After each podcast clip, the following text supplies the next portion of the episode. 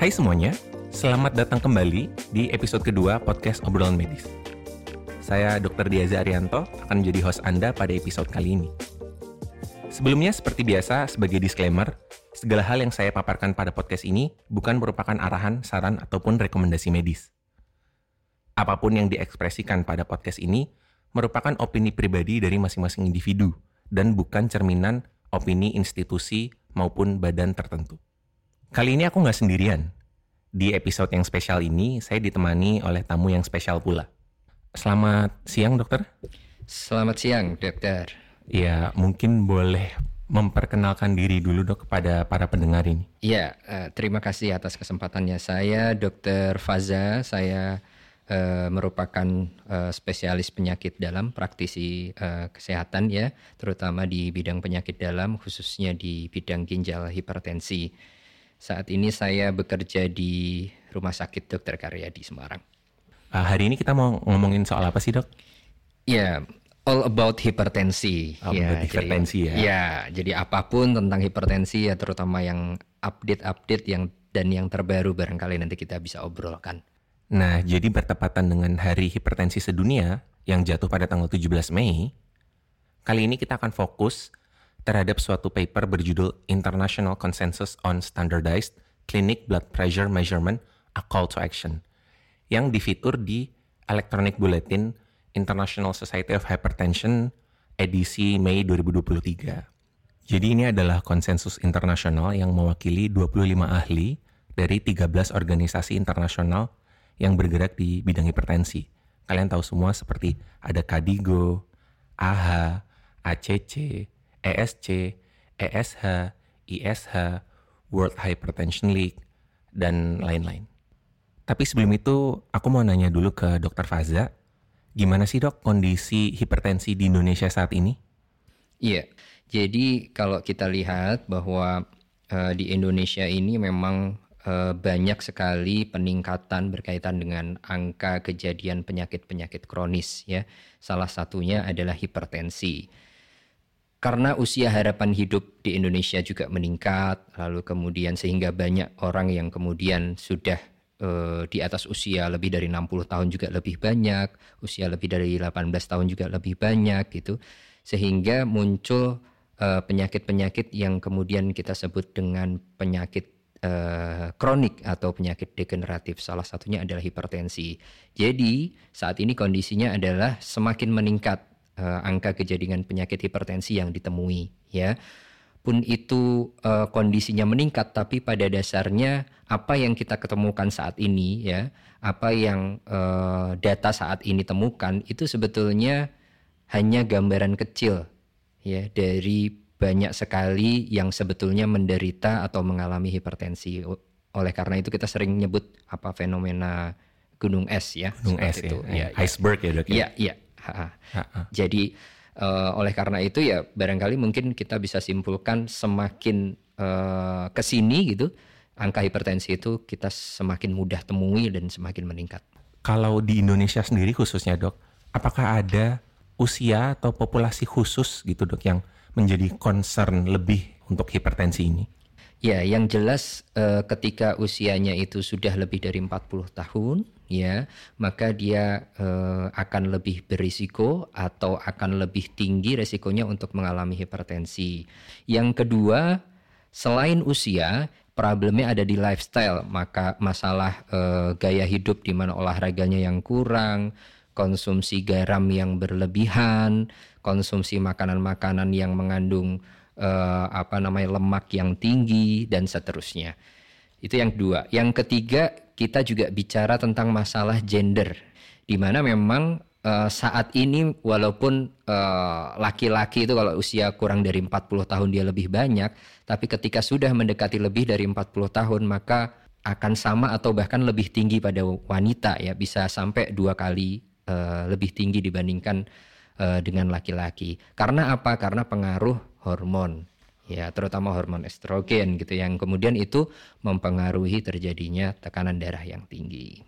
Uh, jadi ini kalau boleh dok saya angkat data paling akhir yang kita punya. Ya. Untuk diri Riskesdas sendiri itu ada prevalensi hipertensi itu dibagi menjadi dua dokter. Iya. yaitu ber, ditentukan yang berdasarkan diagnosis uh, oleh dokter atau jika pasien itu memang sedang minum obat anti hipertensi. Iya. Dan yang kedua itu berdasarkan memang pure hasil pengukuran saja. Iya. Jadi terpisah. Nah, mungkin boleh dijelaskan dok, uh, mengapa hal kedua hal tersebut dibedakan itu kira-kira ya? Iya, memang gini, uh, banyak sekali faktor-faktor yang menyebabkan tekanan darah itu tinggi ya. Jadi pun dia itu sebetulnya tidak memiliki hipertensi gitu, tapi dalam pengukurannya itu banyak hal yang mempengaruhi, mulai dari makannya dia atau intake-nya dia, baik itu minum atau makan sebelum pemeriksaan tekanan darah, lalu kemudian aktivitas fisiknya dia, kecukupan istirahatnya dia, itu kemudian dia akan mempengaruhi hasil pengukuran tekanan darah ya. Oleh karena itu eh, dirasa perlu untuk mengetahui klasifikasi yang sesuai dengan standar tentunya dan sesuai dengan uh, pemeriksaannya itu sesuai dengan prosedur yang benar yang sudah ditetapkan sehingga uh, mungkin perlu di, di, di, ditentukan klasifikasi tadi berdasarkan pada pemeriksaan saat itu atau berdasarkan pada apakah dia sudah mengkonsumsi obat atau belum. Berarti saya bisa menyimpulkan bahwa dari kedua kategori yang berbeda dengan angka prevalensi yang berbeda, angka yang lebih mendekati kenyataan itu adalah yang berdasarkan diagnosis dokter atau berdasarkan dia sedang mengkonsumsi obat anti hipertensi atau tidak ya? Iya, betul. Ya, seperti itu memang. Jadi memang kelemahannya di kita itu adalah ya saya saya kira di tempat lain juga mungkin ya.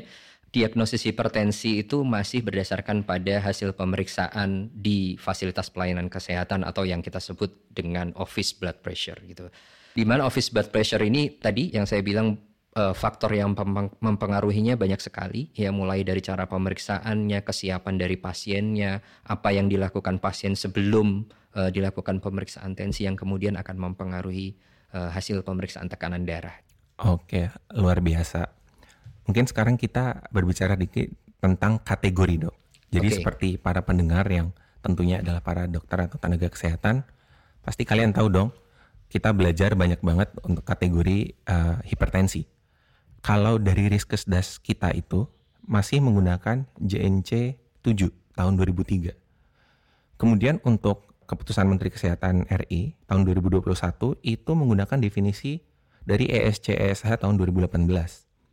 Sedangkan untuk buku panduan dari Perhimpunan Dokter Hipertensi Indonesia yang terbaru itu sudah menggunakan definisi dari International Society of Hypertension tahun 2020 mengapa kita menggunakan batas-batas yang berbeda pada panduan-panduan tersebut, dok? Iya, uh, iya betul sekali ya. Jadi memang uh, sekali lagi batasan atau klasifikasi uh, hipertensi ya saat ini memang bervariasi ya.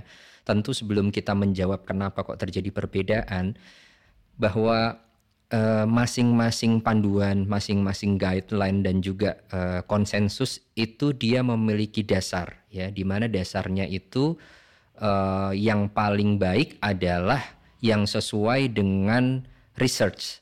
Itu yang harus kita kita pegang ya sehingga hasil dari riset-riset tersebut kemudian dimasukkan ke dalam suatu konsensus sehingga hasilnya itu berbeda-beda ya. Kita lihat kalau misalnya uh, Riskesdas ya di, di, di Indonesia Riskesdas itu mengacu pada JNC 7 sedangkan uh, dari Kementerian Kesehatan itu mengacu pada Europe ya Europe Society of Cardiologists dan juga Hypertension. Nah, kita tahu bahwa di tahun 2020 akhir kemarin itu ada uh, dari International Society uh, for Hypertension yaitu mengeluarkan uh, klasifikasi terbaru di mana perbedaannya ya perbedaannya dari uh, JNC 7 itu adalah terletak pada uh, adanya uh, normal tinggi ya atau uh, apa uh, dia dia masuk ke dalam kriteria yang normal tapi sudah harus diwaspadai bahwa oh ini tuh sebetulnya harus uh, dilakukan intervensi sehingga dia tidak uh, menyebabkan outcome atau output yang tidak baik. Nah, yang lebih jauh lagi ya sebelum 2020 itu ada AHA ya American Heart Association itu menyampaikan bahwa ini beda banget, lebih beda lagi ya. Tekanan darah 130 sampai 139 untuk sistolik dan juga 80 sampai 89 untuk diastolik itu sudah dikatakan hipertensi stage 1 ya padahal kalau misalnya kita lihat dari uh, apa International Society of for Hypertension itu termasuk ke dalam uh, high normal. Nah, kita coba menelusuri dan mendalami mengapa sih kok AHA dan timnya itu ya itu mematok 130 139 dan 889 itu termasuk hipertensi stage 1, ternyata penjelasannya adalah bahwa populasi yang memiliki tensi segitu, ya lebih dari 130 per 80 itu, dia memiliki kecenderungan untuk terjadinya cardiovascular event. Ya, artinya angka kejadian uh, penyakit kardiovaskularnya itu lebih tinggi dibandingkan dengan kontrol atau dibandingkan dengan populasi yang di bawah 130 per 80. Oleh karena itu, saat itu dirubah tuh yang tadinya high normal ya atau elevated itu menjadi hipertensi stage 1 karena pada populasi situ sudah mulai uh, meningkat tuh angka kejadian uh, kardiovaskular accidentnya. Nah, ini memang apa namanya uh, kita harus bijak ya di dalam memilah dan memilih klasifikasi dari tekanan darah. Apabila uh, kita memakai suatu guideline, kita harus uh, menyesuaikan dengan populasi atau pasien-pasien yang kita hadapi gitu. Artinya tidak bisa disamaratakan semua. Sebagai contoh misalnya, tentu penanganan kita pada pasien yang punya tensi 130 per 80, dia tidak memiliki diabetes mellitus, dia tidak memiliki uh, obesitas, tidak mengalami dislipidemia, tentu akan berbeda dengan pasien-pasien yang memiliki diabetes mellitus misalnya. Komorbid ya dok? Komorbid, ya. ya. Jadi memang tergantung pada personal masing-masing gitu. Artinya kita tidak bisa menyamaratakan, oh ini 130 diterapi, yang ini 130 tidak diterapi. Ya, itu tidak boleh menyamaratakan gitu.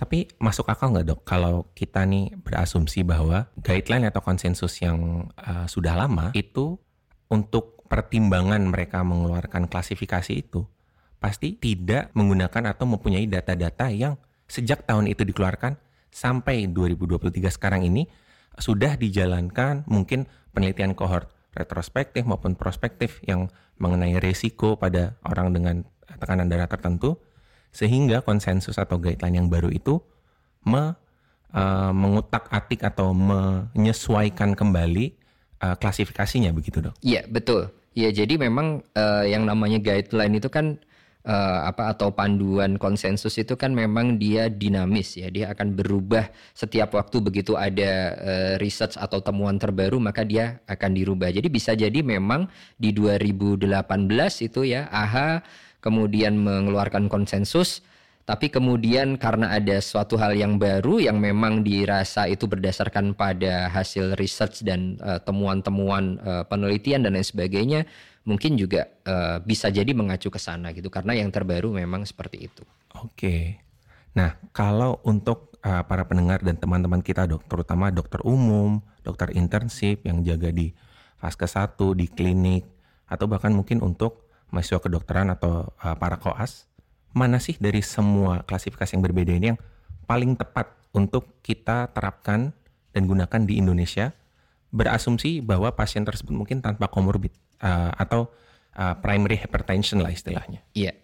Iya, uh, pertanyaannya bagus sekali ya. Jadi memang ini suatu seni ya di dalam kita menentukan mana yang harus kita pakai secara garis besar ya secara garis besar kita tidak bisa saklek pada suatu klasifikasi tertentu. Tapi jika kita melihat dari uh, apa namanya bahwa hipertensi itu multifaktorial, tergantung ras, tergantung populasi, tergantung komorbid, tergantung pakai bagaimana uh, kebiasaan pola hidup dan lain sebagainya, tentu kita paling tidak mengikuti apa yang sudah ditetapkan oleh uh, ahli-ahli uh, hipertensi di Indonesia. Saya kira itu lebih sesuai karena juga itu pasti ada pertimbangan masalah karakteristik gender, ras gitu ya, kecenderungan populasi di Indonesia itu seperti apa. Jadi saya kira pakai yang sudah dikeluarkan Berarti di Indonesia. dari uh, INAS ya dok ya kalau ya, bahasa Inggrisnya ya. Iya betul oh, betul. Oke. Okay, okay. Sebenarnya kalau menurut dokter nih di lapangannya prakteknya ada nggak sih dampak signifikan jika dokter-dokter di Indonesia itu tuh menggunakan definisi yang berbeda-beda dok?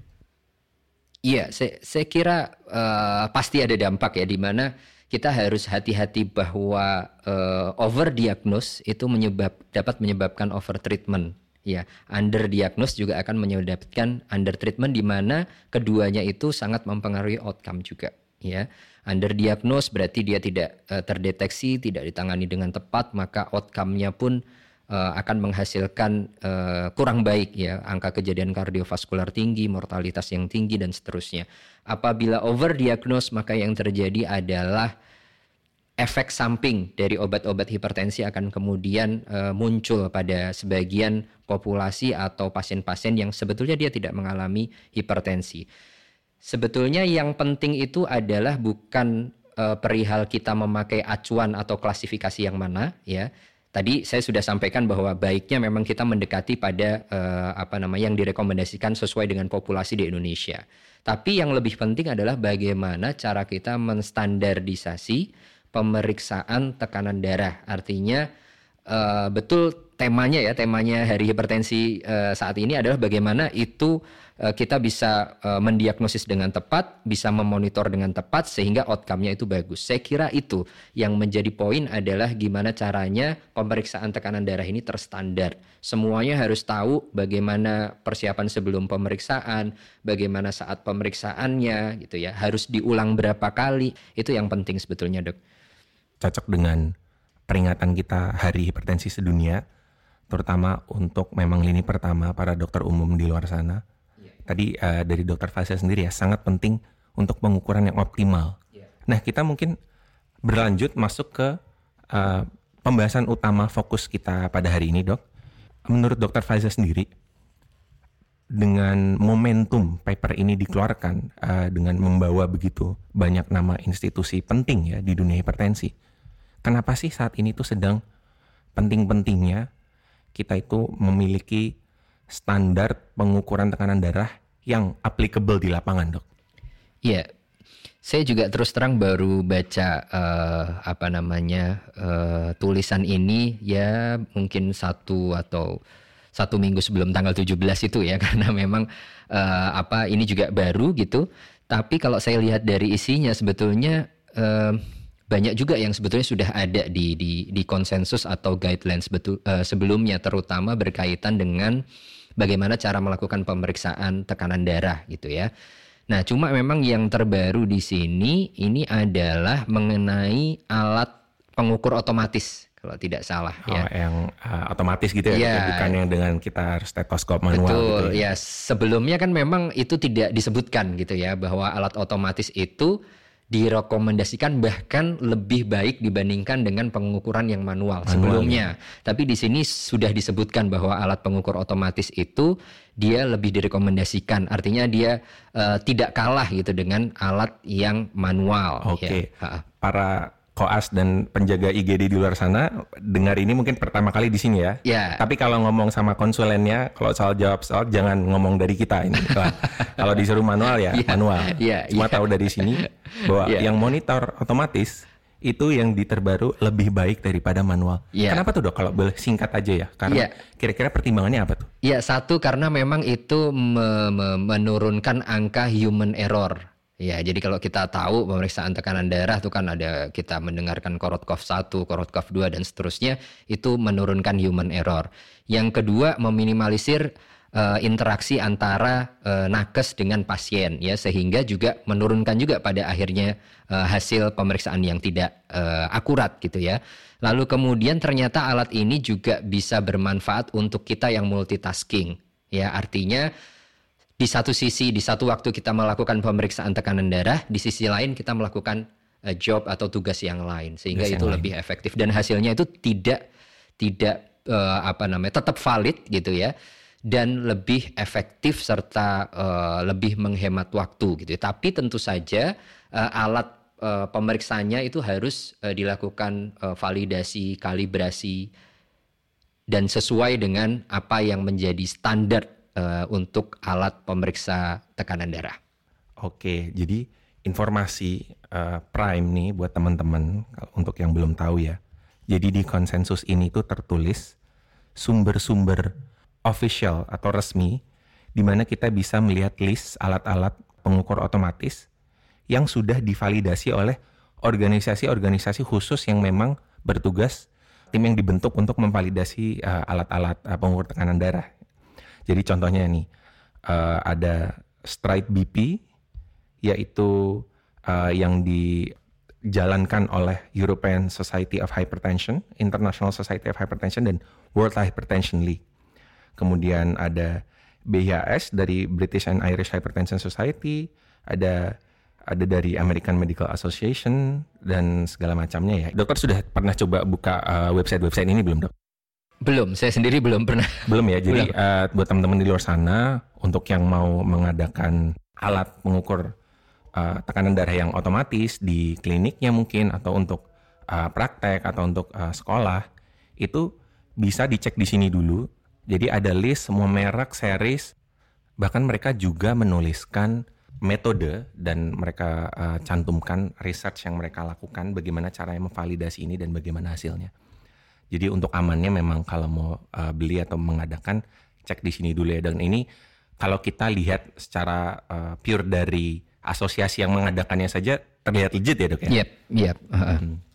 Dan jangan khawatir teman-teman bahwa saya sudah uh, secara sekilas cek uh, list-list yang ada di sini merek-merek yang ada di Indonesia pun uh, banyak ada kok Mungkin tidak semua seri, tapi ada. Jadi jangan khawatir. Selanjutnya, kalau dari isi konsensus tersebut juga fokus kepada personil ya dok ya. Yeah. Jadi orang uh, tenaga kesehatan yang melakukan persiapan dan pengukuran. Kalau dari itu bagaimana dok saran dari konsensus? Iya, dari isi dari um, panduan atau konsensus ini menerangkan bahwa sebetulnya baiknya untuk pemeriksaan tekanan darah yang dilakukan baik itu untuk diagnosis ataupun monitoring dilakukan oleh tenaga kesehatan yang sudah terlatih. Ya, artinya terlatih sudah uh, di, di di training bagaimana cara melakukan pemeriksaan tekanan darah yang sesuai dengan uh, guideline atau standar gitu. Kalau di Indonesia itu ada training khusus nggak dok untuk pengukuran tekanan darah itu apa gimana? Saya kira secara khusus tidak ada, tapi ya barangkali kita bisa mengikutinya di, di mungkin acara-acara simposium yang update mengenai hipertensi gitu. Saya kira saya kira bisa. Jadi kalau aplikasinya di Indonesia ini terlatih mungkin yang sudah resmi ya dok ya Betul. sebagai uh, secara diploma yeah. itu uh, tenaga kesehatan seperti Betul, itu ya. Yeah. Tapi uh, apakah harus dokter apa gimana dok? Tidak tidak harus dokter, yang penting tenaga kesehatan dia terlatih atau bahkan juga kalau misalnya bukan perihal diagnosis atau hanya mungkin monitoring, evaluasi di rumah bagaimana memonitoring tekanan darah sudah tercapai target atau belum, itu bisa dilakukan oleh pasien dan keluarga sendiri asalkan sudah dilakukan training bagaimana uh, mengukur tekanan darah yang baik. Karena di rumah pun tetap harus menggunakan cara yang optimal ya dok betul, ya. Betul, betul. Karena memang relatif lebih mudah menggunakan uh, pengukur tekanan darah yang otomatis ini. Nah, untuk sumber-sumber yang official dari luar negeri gitu ada nggak dok? Untuk apa? Alat-alatnya? Untuk ini, uh, bukan untuk uh, misalnya ada pelatihan atau gimana kita bisa cara baca atau nonton gitu dok? Oh iya iya, mungkin yang dimaksud itu adalah video video ya, oh, iya. video, iya, video video ilustrasi bagaimana yeah. melakukan pemeriksaan ya. Ada uh, World Hypertension League itu ada, kemudian American Heart Association American Medical Association itu juga mengeluarkan juga. Oke, ya. uh, itu untuk video ya dok ya? Iya, video-video. Uh, kalau pelatihan dok, uh, ada nggak dok? Ada tahu tahu nggak di luar gitu? Ya, pelatihan itu contohnya tadi mungkin dokter sudah gitu ya, ya sudah sebut ya stride blood pressure itu udah uh. Uh, itu ada juga oh, ya. Eh, mereka Dari, juga me, ini ya menyediakan uh, jas bukan jasa ya, tapi seperti program sertifikasi seperti Iya, dari Europe Society of Hypertension itu juga ada. Oke, okay. jadi teman-teman kalau mau nonton videonya atau mungkin ikut pelatihannya kalau online ya dok, ini kalau nggak salah ya iya, pelatihannya ya. Iya. Ya, itu bisa uh, dibuka sendiri di Google, uh, dicari ya. Oke, okay, ini yang paling mungkin saya bukan bilang kontroversial, tapi kalau dari pengalaman saya itu beda orang, uh, beda definisi dok, atau beda beda tahap, yaitu persiapan pasien. Iya. Uh, dan nanti masuk ke prosedur pengukuran itu gimana dok? Iya, jadi uh, yang direkomendasikan untuk kita memeriksa melakukan uh, apa pemeriksaan tekanan darah, yang pertama pasien-pasien itu harus sesuai dengan uh, apa namanya pedomannya ya. Yang pertama istirahat cukup ya kurang lebih 3 sampai 5 menit sebelum dilakukan pemeriksaan tekanan darah ya. Yang kedua adalah berkaitan dengan konsumsi kafein, yaitu tidak boleh alkohol, nikotin, kemudian aktivitas fisik yang moderate to severe gitu ya. Itu dalam 30 menit sebelum dilakukan pemeriksaan itu tidak boleh dilakukan. Selain itu tidak boleh menahan kencing atau kandung vesika urinarianya memang harus dikosongkan. Jadi kayak ini ya dok ya kalau mau lahiran ya. Iya. Sarankan untuk kosongkan dulu ya. Betul ya karena itu gimana pun akan mempengaruhi saraf simpatis kan kalau Oh, seperti iya. itu. Nah kalau kita menemukan kasus-kasus di mana ada mungkin pasien yang melakukan pemeriksaan tekanan darah dan sebelumnya kita temui bahwa oh dia tidak cukup istirahat minum kafein, yaitu mestinya dilakukan pengulangan pada eh, apa namanya pemeriksaan selanjutnya. Untuk istirahat 3 sampai 5 menit ini apakah boleh kita termasuk yang mereka nunggu itu dok di ruang tunggu? Mereka itu eh, kan nunggu tuh. Iya. Itu apakah sudah termasuk atau sebenarnya ada istirahat khusus tertentu yang yang juga benar gitu? Ya artinya istirahat yang dimaksud itu istirahat tanpa eh, pemicu atau tanpa distraksi. Ya, jadinya kalau misalnya mungkin nunggu juga stresor tinggi, ya kecemasan, anxiety tinggi, nah itu juga kan eh, bukan yang dimaksud istirahat itu bukan itu, tapi paling tidak sulit ya memang sulit, karena sulit saya sekali. membayangkan pasien Ah, sudah antri mungkin Iya, setengah betul. satu jam Iya. begitu masuk ketemu dokter Iya. terus saya bilang pak eh, duduk di sini tunggu tidak boleh berbicara Iya. 3 sampai 5 menit ya pak ya Ya, itu ya itu sulit ya. Artinya eh, kecemasan pasien saat menunggu pun itu sering kali terjadi gitu sehingga kita harus betul-betul detail dan teliti dan kita berprinsip bahwa bukan hanya pemeriksaan office blood pressure saja yang penting gitu. Jadi mungkin perlu kita monitor eh, di rumah kita edukasi kepada pasien bahwa oh perlu loh dilakukan pemeriksaan juga di rumah walaupun itu juga tidak semuanya bisa dilakukan. ya karena tidak semua rumah tangga mungkin punya ya dok ya alat Betul. monitoringnya Iya, betul. tapi memang ini yang saya bilang mungkin agak kontroversial istirahat 3 sampai 5 menit ini yang memang dimaksud apa gitu dari kan. dulu Iya. pertama saya tahu sampai sekarang itu memang sulit pengaplikasiannya Iya. terutama di tempat yang ramai ya dok ya. Iya. Nah kemudian untuk uh, masuk kita ke prosedur pengukurannya bagaimana? Ya, tadi ya setelah istirahat eh, dengan tanpa distraksi sebetulnya secara secara optimal seperti itu. Selain itu, yang pertama adalah bagaimana posisinya pasien pertama. Oke ya. posisi nih. Ya, posisinya itu harus duduk di mana punggungnya itu harus bersandar ya untuk mungkin memastikan bahwa si pasien itu rileks. Lalu kemudian kaki itu juga tidak boleh menggantung ya, harus eh, apa ya, menempel ya? atau menapak di di lantai.